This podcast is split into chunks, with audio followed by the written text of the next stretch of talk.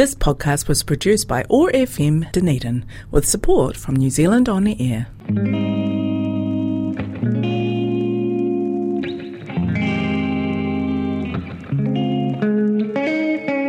Have you ever been in a position where you don't feel heard?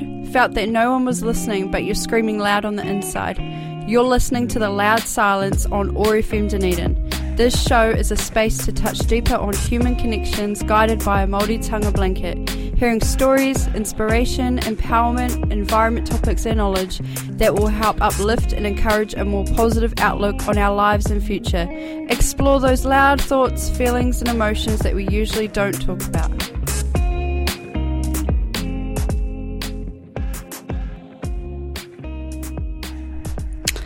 Kia ora everyone, nau mai hoki mai ki tēnā kaupapa o te rā, The Loud Silence. Welcome back everybody to the show today. I'm so happy again to be back in here, so grateful for the space. Um, today you just have my voice again, um, unfortunately, to listen to for the show, but that's okay. Um, it's alright. I've got a good topic tonight. Um, I was inspired uh, not lo- long ago from popping in to have a chat to um, the last people that were on the show last week who I had as guests um, from Mana Rangatahi, which was Mitchell and Ben. So they just I had a chat with them and they just kind of inspired me to talk about a topic that I felt um, definitely needed to be shared. Um, so the one that I'm going to be talking about tonight is um, about just about youth and the problems that they're facing and the problems that society is facing with our youth, I guess, um, in the days of today. So I am a youth worker.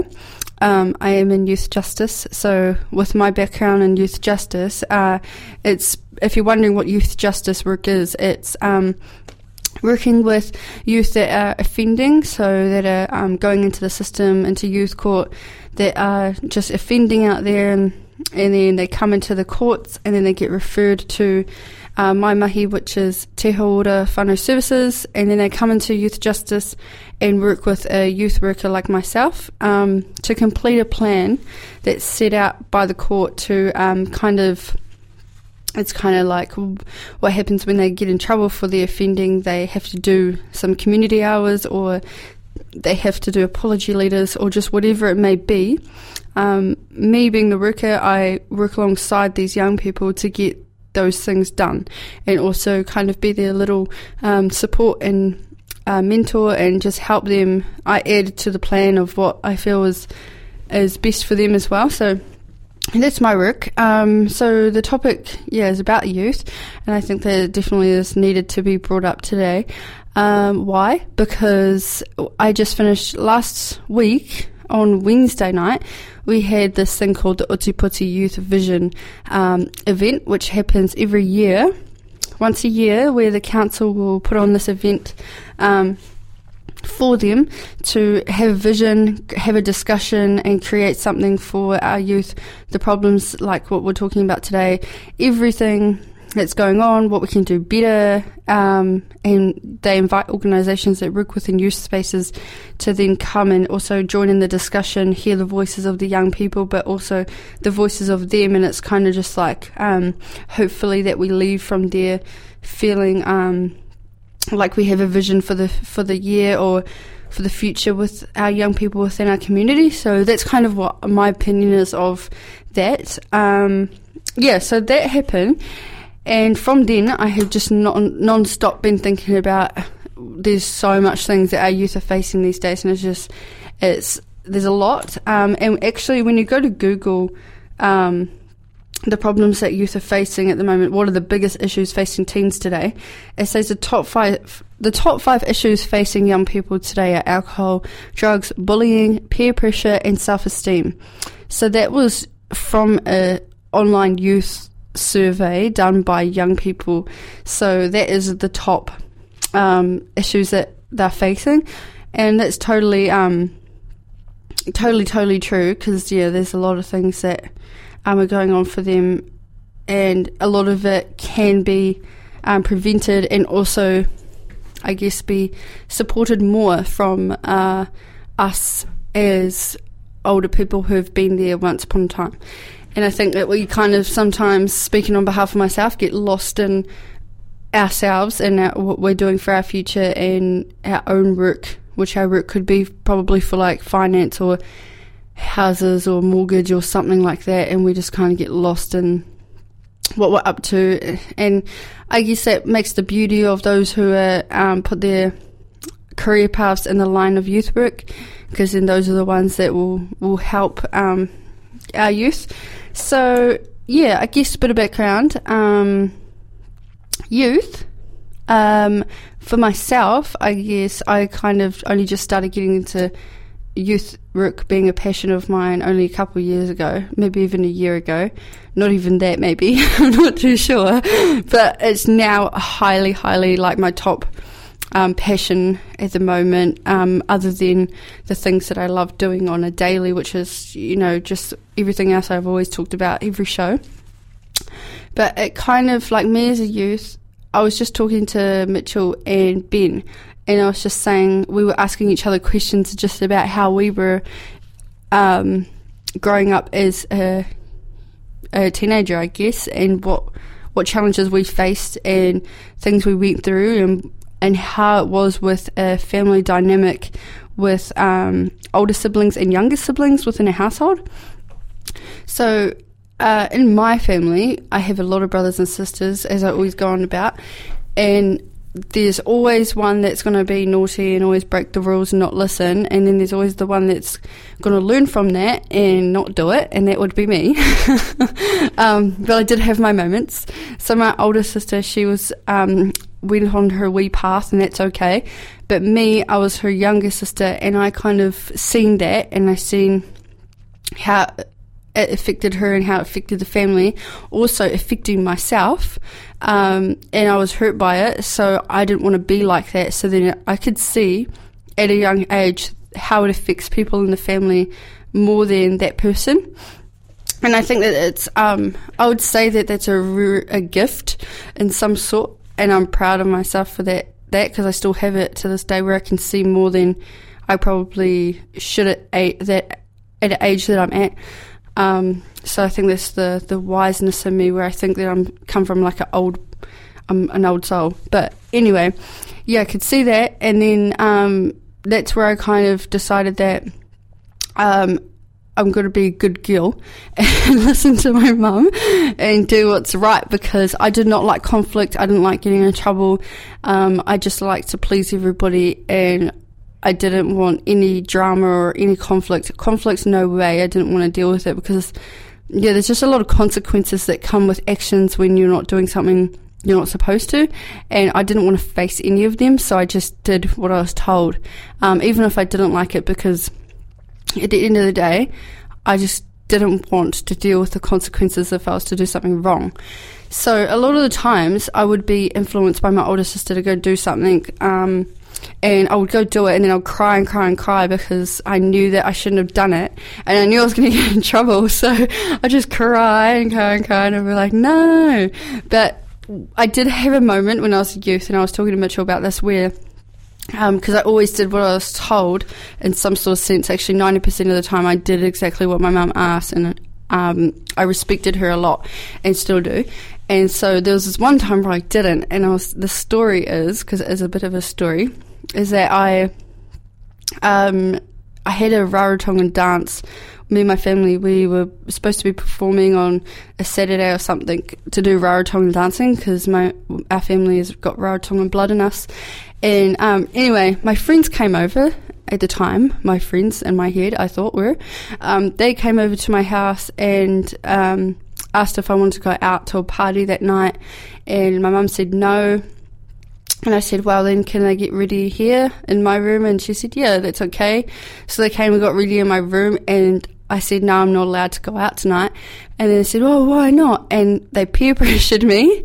Um, and we're just like, no, just come, you know, and they just keep going on about how I should come. Um, they actually packed a bit of an attitude because I was, wasn't going to go. But I really did fight them, and I was like, no, I can't go because I'm actually like the lead person in this Rarotongan dance and stuff like that. I was like, no, no, no, no, I can't go. I'm not allowed to. How would I even go? Um, and all this sort of stuff. And they're just like, no, you can. This is what we'll do. They even created a little plan for me on how I'm going to go and get away with it and all this sort of stuff. Um, so I was like, okay, fine, because um, I thought in my head, if I don't agree to them, then when I go to school, which a lot of my time in my life was at school, I'm going to have no friends to hang out with and I'm going to be lonely and people are going to bully me. So I was like, okay, fine. So I was just people pleasing again and was just like, sure, okay, let's go. But in my back of my mind, I, I, was just like, no, I should not be going. This is not okay. this is wrong. I should tell my mum. But I was like, and, but then again, I was listening to them more than I was my own instinct. And we jumped out the window and we ran off and yeah, we ran through the domain, and then yeah, my mum comes spinning in the corner and tries to get me back. She sees me and my friends and tries to get me to come back home. I didn't listen. I carried on and I went out, and actually, um, yeah, I regret that time when I went out because, um, yeah, the friends that I had were really good influences and everything that night. They were trying to get me into a lot of trouble. A lot of things happened that night that um, has like scarred me for life. So I just wish that I had listened to my own instinct at that time because the things that I that I if I had listened to my instinct and um, what I what I know to be right and what I was taught in you know brought up to do in my life, um, then I think things would have been way different and I wouldn't have been in those positions. However, um, I was so scared to go back home, but I didn't want to let mum down on that dance that I, the next day for the dance. I showed up to do it, but I was so scared that I would be in trouble f- and everything. I was scared to face everything. I didn't want to deal with the consequences. so I went there anyway. And as soon as I was rejected once, I didn't want to try again.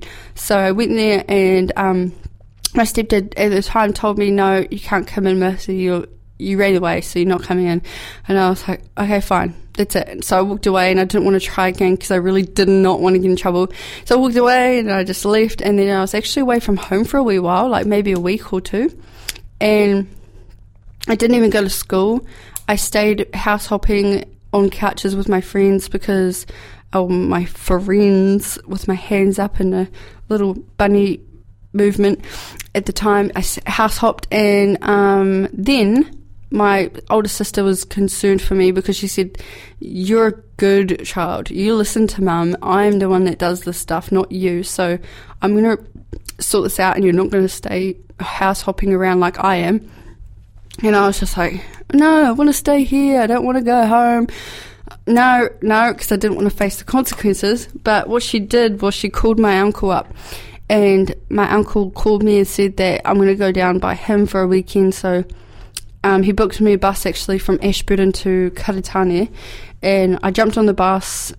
I didn't know that um, what I was up to or what I was doing, but I knew that I did want to see my uncle, so I jumped on that bus and pulled up. My uncle picks me up, and I must say that that time spent with my uncle was so it was like a rehab session or a, let me say a rehabilitation moment or a healing process for me to really figure it out. And I'm always grateful for that time that I had with him because that was so healing and it made me kind of come back to why or what I'm doing is wrong and how much my family mean to me and what I'm doing, you know, sort of thing.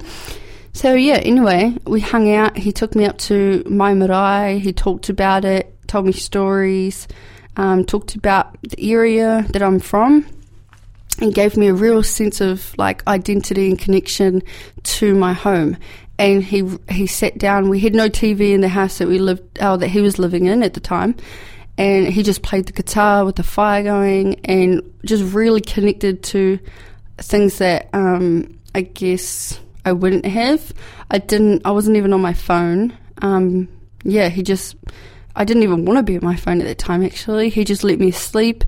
Um, I just listened a lot that weekend. He, yeah, he was just really good support for me. We had lots of fun. We, yeah, it was just really healing and just so good. And I'm just so grateful I have that support system in my life. Um, with my uncle. So he did that for me, and then he said, "Okay, your bus is on this day. You're going to go home now." And I was like, "Okay." So I jumped on the bus. I went back, and I thought that I was going to be getting picked up from my sister and going back to house hopping because um, everyone was telling me that that was what's happening. and then when I got off the bus, I seen my mum there, and I was like, "Oh no!" But at the same time, a huge relief because I was like, "Yes, I want to go home," but then again, I don't because I don't want to deal with the consequences. I don't want to get in trouble.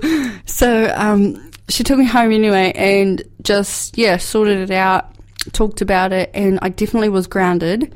Um, which was fine with me, but I was just so happy to be home. I just, I think I slept for ages. Um, it was good to be back in my room and just sort my washing out that I hadn't done in weeks and just get myself back on track because um, it was just not like me to do something like that.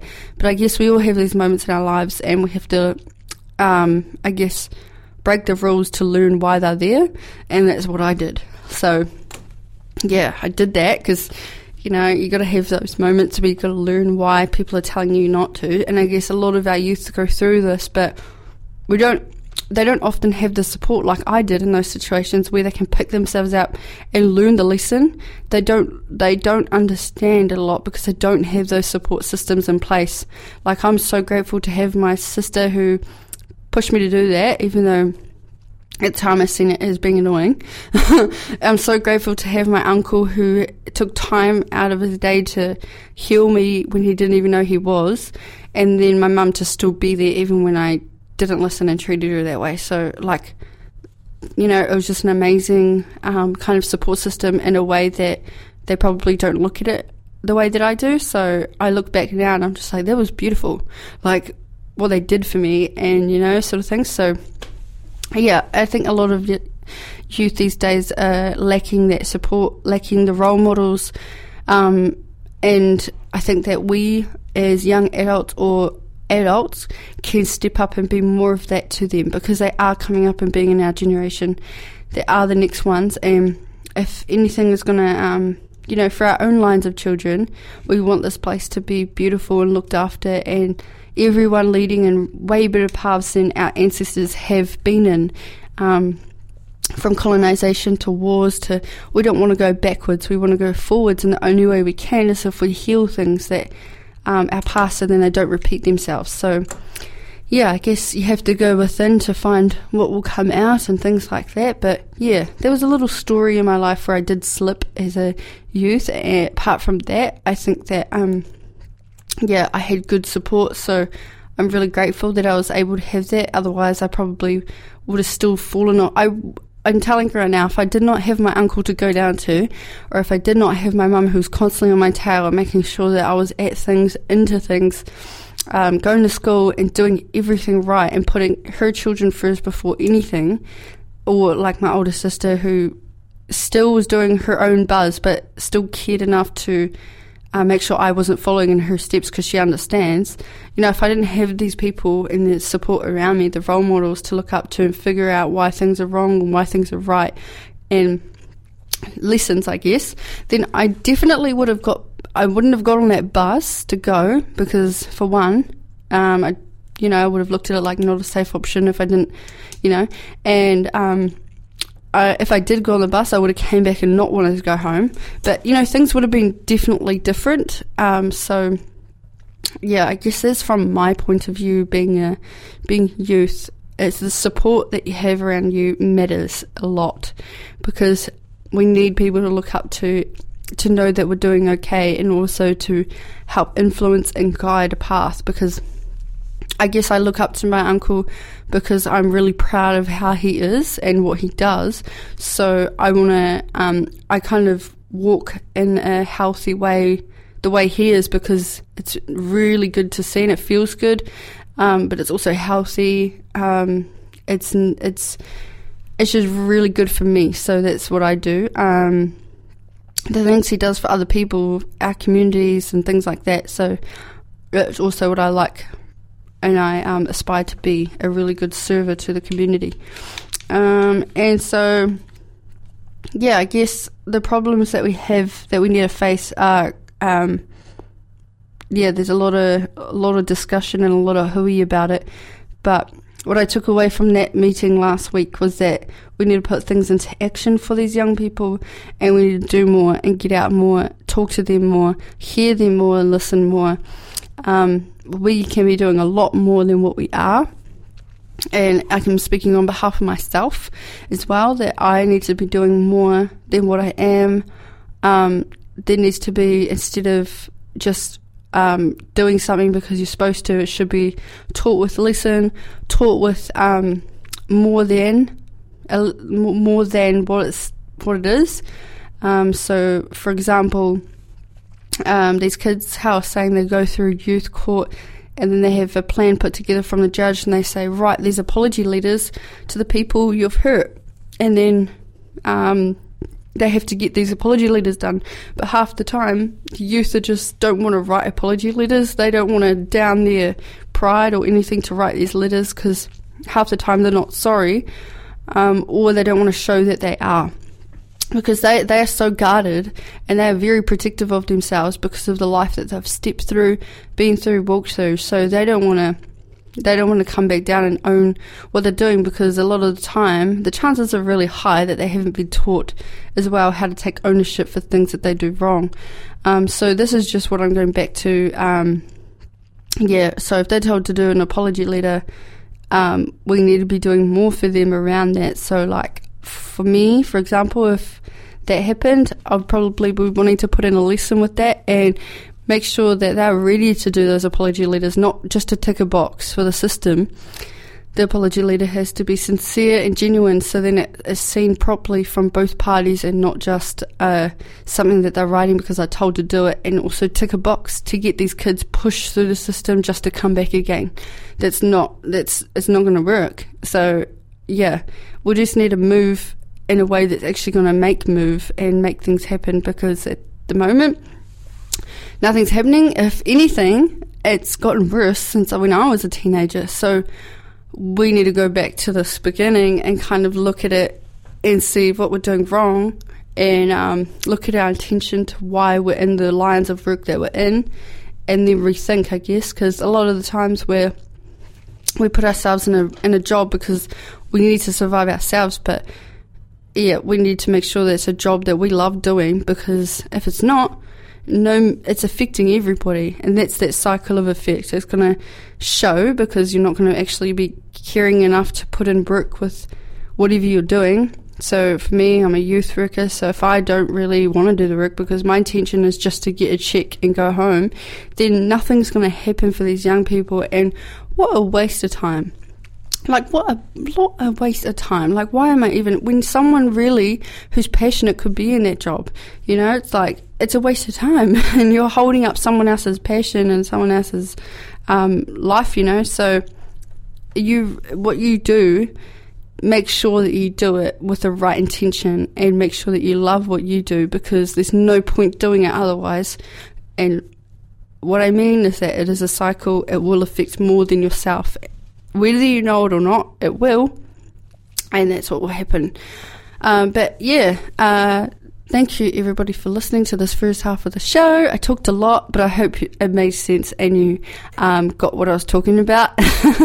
so we're going to come back um, after a song from um, hmm, hmm, who shall we listen to today? Yeah, Rob Ruha. He is the man. So we're going to listen to his one, which is called Waiaroha. So the song here, I'll play that and then we'll come back.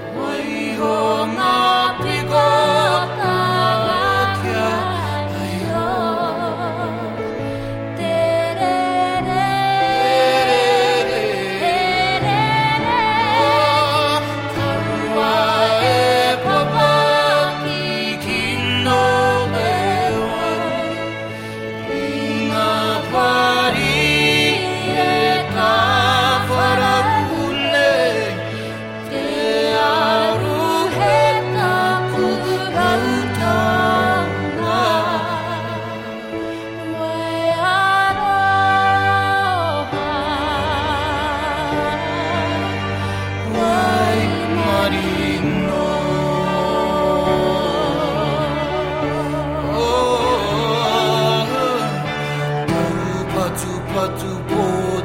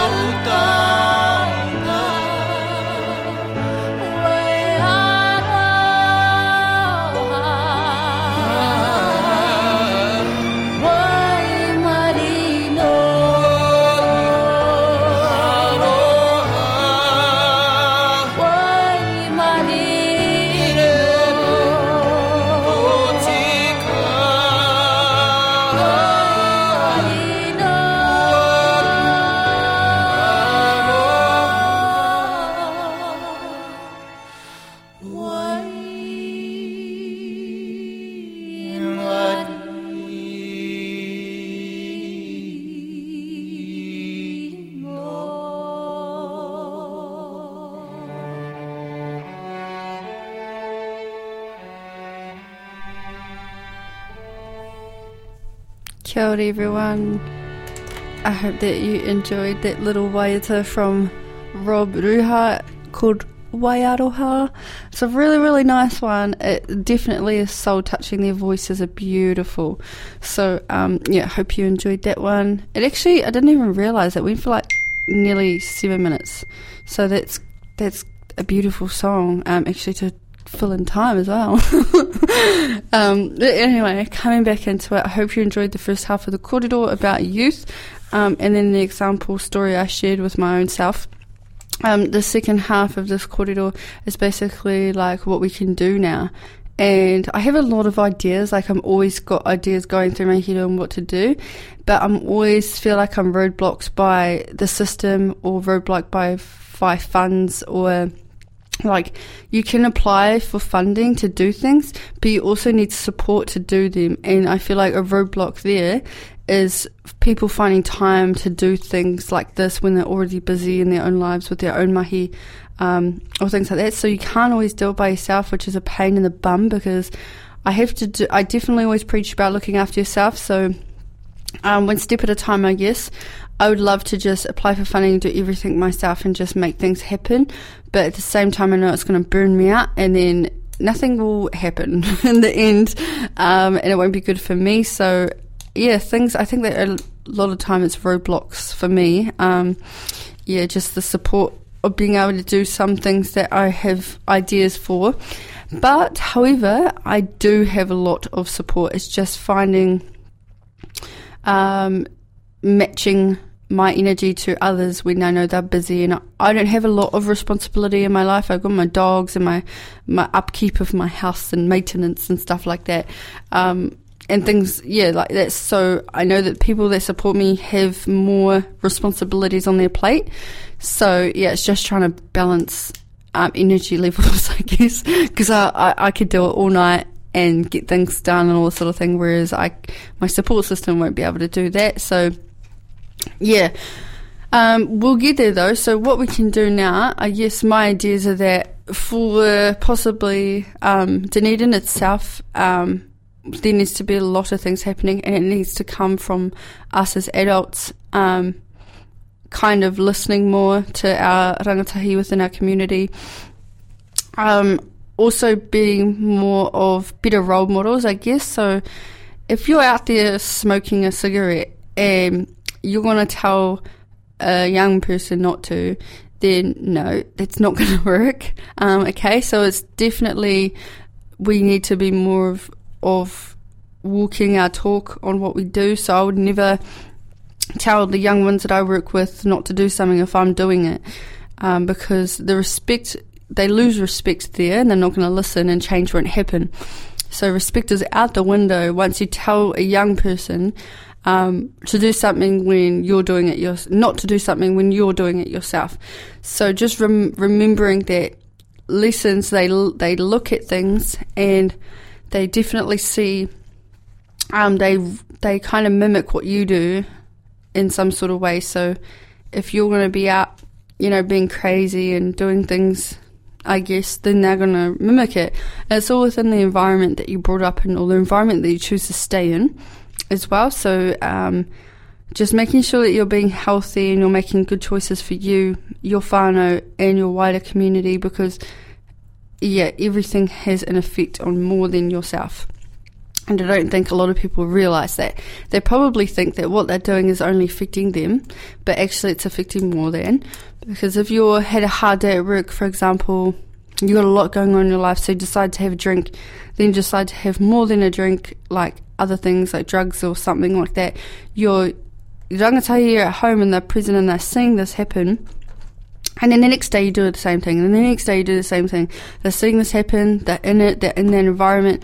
They're going to watch and see that that's actually what you do when you're going through stuff, is that's, that's how you cope, so they're going to do it. Um, they're more influenced by the environment that they're in. So I think that we really need to take a really good hard look at ourselves um, and look at what we're doing that's showing them how to be. Um, also taking more ownership of our own selves and saying, you know what, actually, I don't need to be doing this. Why am I doing this? I need to stop. This is what I need to do because my children are more important. Da da da da da.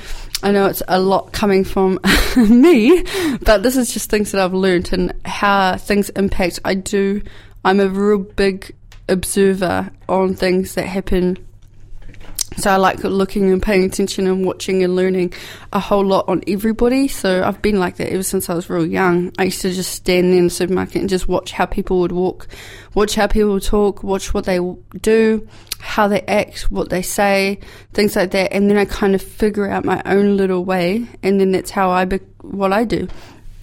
Um, in hairdressing, actually I could relate that to hairdressing where you, you go and you're learning how to cut from and uh, when you're an apprentice, you learn how to cut a certain way from your your tutor, and then you go into a salon. You learn, you watch, and you observe, and you get taught how to cut from different seniors within your salon environment, and then you go away and you start cutting yourself, and you figure out your own little routine. So I guess um, that's kind of what what um, I was like. Not sure about anyone else, but things definitely have an effect um, from the product of the environment. Um, a lot of our tamariki and rangatahi are affected um, by the environment that they are brought up into or the ones that they're in at the moment. And we do need to change a lot of things. I know that, you know, with culture, for example, like Māori culture, my own, um, we still are healing a lot from back to colonisation and um, that's still going to be an ongoing thing, but we can't keep blaming and blaming everybody for a lot of stuff. We can't keep doing that. We need to move with love. We need to move with healing. We need to move with um, this happened, we'll address it. If we want to be a mover and a shaker, then we get into the line of work that does those things because sitting on Facebook ranting about it isn't going to do anything. It's going to do nothing but bring negative energy into people's daily, daily lives when they read that, and even in your own because it's not going to do anything. So, if you're really, really passionate about something that really boils your bubbles, then you need to get into the line of work that does that and make moves, make changes, do something. You know, um, I would just don't sit around talking about it. Just go do it. you know, um, it's good to have hui and kōrero, but you know, a lot of um, hui hui, not enough doey doey is what I'm seeing anyway. so we need to um, we need to just remember that yeah, these sort of things we need to put in place. Um, when I was doing the Tuia Kaupapa last year, I had the opportunity to go into the council chambers and be involved in the council meeting that they have, or the RGM or whatever it is. Um, I can't actually remember what it actually is called, but I was there anyway. And one thing that I, there was a few things that I realised from this I didn't actually think that I would go into a space of a council meeting and come out with anything. I thought I was going to go in there and I'd be boring with all these people talking about things that I don't understand. Then I'll leave and I'll be like, okay, well, that was a waste of time. So that was my expectation walking in there. But when I was in there, I actually learned that um, there was no Maori within that um, council chamber. There was no youth to speak, um, and then there was no representative of rangatahi the um, majority of them were males, and there was no Pacifica. There was no repre- representation of um, the mixture of cultures that we have within our community, um, and they were all probably probably just one. Um, yeah, about ninety nine percent were all of one culture, um, and majority of a certain gender. So that was one thing that I've seen, and that automatically to me is a f- is not it's not a fail, but it automatically to me um, shows that. Um, I don't like it. That's all I gotta say. I'm not gonna comment too much because, you know, I love the Dunedin councils. Heaps of people in there that I know I'm really good friends with. but, however, I will say that I didn't like it. Okay. and I walked down, the other thing that I noticed was, um, I walked down the hallway and there was like all these photos on the wall of um, previous past Dunedin mayors. The history of the Dunedin mayors were all on the wall. So their photos were all up on the wall. And I was just like, oh yeah, there's a lot of people here. And I was looking at everything. Okay, and 99.9, oh, 99% of those photos were all male and they were pretty much all Pakeha, apart from one um, man. I can't remember if he was Asian. It wasn't too long ago, but it was him and then an Indian woman who were. She was the only woman um, to be the mayor in the history of Dunedin, and then one Chinese man, and then the rest were all Pakeha men who looked really old. Um, not that that's a problem, but it just to me also I did not like that um, because there was no um, in the history of the Dunedin mayors. There's never been a Maori mayor. There's never been a Maori woman mayor, and there's never been um, a Pacifica or another culture apart from Indian and Chinese um, mayor. Uh, yeah, I didn't like it. I didn't like seeing that, and automatic. Oh, my my mind just went off, and I just I just decided that front nah, that's it from there. I think that's actually where it sparks, where I wanted to do youth work because I was like, nah, and we need to have a, someone that at least that I help, or even myself, will become the mayor of Dunedin, and it will be a Maori, and they will help this community and help our people um, stand and you know do these these things that need to be done to address history and things like that and make things happen. So I think that's actually, you know what, when I think about it, that's probably where it kind of clicked for me. Where I was like, I want to help a young person become, you know, guide them into these sort of roles, into these jobs, get them out of the system, get them out of youth court. Don't get them off the path that's leading them into prison because we need them. We need them like in these roles to make changes because you know, a lot of times it's these ones that are off on off on their own adventures, going into youth court and things that actually can make so much difference from the experiences of their childhood and their life and things like that. Um, that actually play a lot of part in making things better for people. Um, they bring a lot of qualities that they probably don't even see within themselves. Just so much, you know. Um, they've got a lot of strength I really, really believe that our rangatahi, they're going through so much, they have so much strength because they're going through it and they're still here and they're still going on. Um, so, you know, they come with so much good qualities, and I just want to help them and mould them into being really good um, future leaders for our community and for Aotearoa as a whole. But yeah, I'm going to start off slow, and that's why I'm in my position that I am in now, um, and we'll work, work forward into it. But yeah, I just didn't like that, eh? I didn't like going into the council chambers and sitting there listening to words that I don't even understand. No rangatahi were in there, not much community were in there. However, it's an open um, place for the community to go in there and sit and listen to what's happening in our community, listen to the things that they're making decisions about. Did you know that you have a voice, but a lot of people don't realize that they do? Like, it's, it's incredible to know that there's so much rights out there, so much um, platforms for, for your voice that you don't even know that you're able to even have. So I guess where I'm going with this is that um, we need to. I don't know why a lot of people in high positions don't like to share the light on high positions or let people know their the the rights that they have or the voices that they can have. Like I don't know why they do that, but it's sad because, you know, um, to make a great community and a great leader always walks alongside a young person. Like, that's just, you know, back in the days with our Māori people, we had a chief that walked alongside like a really, you know, in our tribes, we had chiefs that walked alongside our rangatahi, and um, or our young young ones like tamariki. They would walk together and they would lead the, lead our um, uh, kaupapas or things that wānanga, um, just things that we had going on, they would lead together because the the two minds helped create wisdom, but also youthfulness, but also um, kind of like open open mind and different perspectives that created good outcomes for people.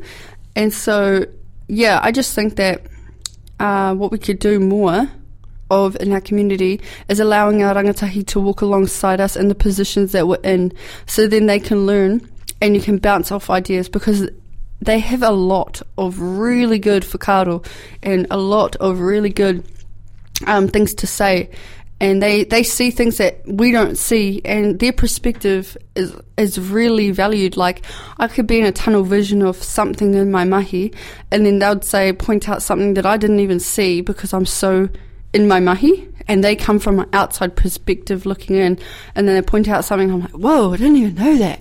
So I'm kind of like thinking, yeah, in the future, or even right now, today, actually, yep, nope, today, we need to be um, having them alongside us in our kaupapa or things that we do. So instead of us coming along and saying, we're going to run this for you, no, you, we're going to do it together and I'm going to learn off you while you learn off me. We're going to be equals and we're going to learn together because that's the only way that things can happen um, for the good. So yeah, um, what I'm saying probably is is that um, in council there should it should be more youth friendly. Um, so youth spaces in there should be more inviting to youth so they can feel like they can go there, even though it is more of a space where people go to pay their bills, like uh, registering the dogs or something like that it should still be a place that they could go to. Council are here for us, for our people, for our community, and that's including youth. It's not just the adults. Okay, so that's including our tamariki, that's including our animals, our environment, everything. So we should all be able to go there and have that place. Um, people, council probably say, yeah, no, it is a place for you to go to. You can come here, you can, but that isn't voiced enough, I guess, in the community. Like it's, they don't know that because you're not telling it enough, you know? So here I am on the radio telling it how it is. and you have more rights. You do have more places to voice. You have a bigger voice than you probably think. And I'm just going to say now that if you have an issue with something within your community, or if something is not right, you don't like the way the buses are, you don't like the way the roads are, you don't like the way something is going, then go and voice it. Because the more that you do that, the more change can happen. And I'm probably there's more of a likelihood that a lot of people feel the same way, but they just don't think that they can say anything. Um, a lot of people also turn to Facebook to vent that sort of thing, and that's not going to do anything. Like I said before, you're you're just creating a negative space to have um, conflict with people who are probably on the same page with you. You're just challenging each other because you've got no one else to fight the real people, you know, like the council. So you need to take those, take it off Facebook and go and take it to somewhere where it's going to make change. Start putting actions into the roots and the things that you feel, the things that you want to do. Go to the places that you have concerns about and speak up and don't be afraid to do it because you're going to grow up. You're going to get into a position where you're just like, I'm I wish that I had done this and I spoke up because now look how bad it is. I could have actually been that voice of change and now look, you know, now look what's happening. So we need to um, remember that, that they have spiral effects, everything I've talked about. The, I'm bringing it back to my main point of the whole show is there's spiral effects to everything that you do. You need to have your voice. Your voice will always be heard, if not from the people that you share it to, someone will listen. Even if you want to tell me, I'll bloody, I'll make something happen. Come down to my office on parachute. I'll make something happen. Um, so yeah, find those people. If you're not the one to speak up and have the confidence to say what you feel, then find those people that will do it for you and just get it done, you know? Um, if you're struggling at school and you're really, really not feeling comfortable and safe in an environment in your school, like with your teacher, and you're scared to say something because they are authority, like a teacher, or you principal or parent, and you don't want to cause a problem, you need to go and cause that problem. Go and cause it. It's not really a problem. It's just you need to have your voice more, and people need to hear you more. Um, and and they should be. You know, everyone should be heard, and it's not fair that you're not. And it's not fair that you don't get to have that place because you're not even being told that you're allowed to. So, um, yeah, don't hold yourself back. If you feel something isn't right, you say it. If you feel like um, saying something because you're passionate about it, then do it. Say it. You know, do it. Um, don't hold back. You need to do what you, you feel is right um, what you're what I was going on about just before. so yeah, if you yeah, it all comes back down to safety as well. So yeah, safety. A lot of times people disregard things that they feel unsafe in because they don't want to cause a problem or they don't want to um, put a lot on other people. But at the end of the day, I think a lot of people would rather have that put on them than see a, see something in the end result, um, like something bad happen in the end. So things that could have been prevented if you had a spoken speak uh, spoke up. So um, yeah, just being in situations where you could have yeah called a mate to drive you instead of you driving if you're drunk or something like that. It just you know I would rather hear I would rather someone call me whenever to help for them. You know, like with my young people, for example, in my mahi, we have to create boundaries. So then we're looking after ourselves, and fair enough, you know, I'm all down on the boundaries because I want to have my own life too, you know, but at the same time, my boundaries are flexible to how I am uh, mentally and physically, and just how I am able to cope. So it's personalized. But I think a lot of the time in systems, they don't let you personalize or they don't express it enough that you can. However, um, in my organisation, they are very personalised. Everyone is always making sure that you are good um, and you do things how you feel is right, just with the support of um, the teamwork, you know? So I really love my environment that I live in, my organisation. They are very supportive. Um, so with myself, I personalise my boundaries depending on how I am. So for example, if one of my young people to message me on my days off and say that they're in trouble, 155, 60 million percent, I'm going to reply and I'm going to follow it through until I know that they're safe. So, um, yeah, I'm going to do that. Even if it is outside my hours, that's fine. That's okay with me. So, I think, yeah, a lot of organizations are, are blocked a lot by these restrictions when people are in need um, which is a shame. It all comes down from the government. Half the time, it's not because of the organisation. It's just a safety thing. But then at the same time, like um, there should be a support system in place where you know if you are needing to go and help somebody or do something um, outside of your work hours, then you have a system set up for your own safety as well. So you have someone that you've told um, that you're doing it. You let them know when you're there. You know, sort of some sort of thing like that. I don't know. People probably have this set up, but you know, it's just common sense to make sure that you're looking after yourself, so you can look after others. Um, so we can look after our community better. Um, taking five minutes out of our day just to check up on our neighbours. Um, taking two minutes out, of a day just to, um, you know, message someone and just make sure they're okay um, taking, you know, a few seconds just to, you know, pray for them.